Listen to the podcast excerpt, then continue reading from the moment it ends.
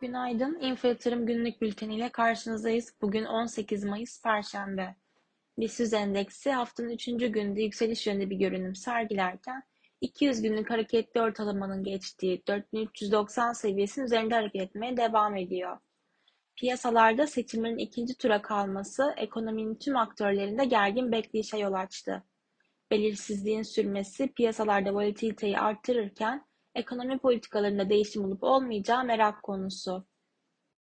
Dün TÜİK ilk çeyrek işgücü istatistiklerini açıkladı. Hane halkı işgücü araştırmasının sonuçlarına göre 15 ve daha yukarı yaştaki kişilerde işsiz sayısı 2023 yılı birinci çeyreğinde bir önceki çeyreğe göre 62 bin kişi azalarak 3,5 milyon kişi oldu. İşsizlik oranı ise 0,3 puanlık azalışla %9,9 seviyesinde gerçekleşti.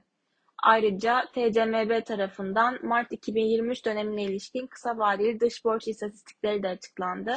Buna göre kısa vadeli dış borç stoku Mart sonunda %8,7 artışla 161,4 milyar dolar oldu. Küresel piyasalarda ise ABD'deki borç limiti krizi ve ekonomik aktivite ilişkin endişelerle karışık bir seyir izleniyor. ABD'de hükümetin borç limiti krizine yönelik belirsizlikler varlık fiyatları üzerinde etkili olmayı sürdürüyor.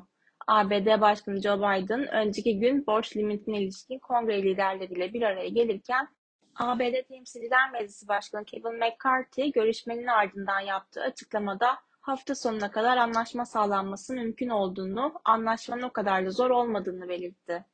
Euro bölgesinde ise enflasyon yükseldi. Euro bölgesinde ise enflasyon yükseldi. Euro bölgesinin öncü verilerinde de Nisan ayı enflasyonu yıllık %7 olarak açıklanmıştı. Nihai veriler öncü verileri teyit etti diyebiliriz. Euro bölgesinde Nisan'da enflasyon bir önceki aya kıyasla da %0,6 arttı.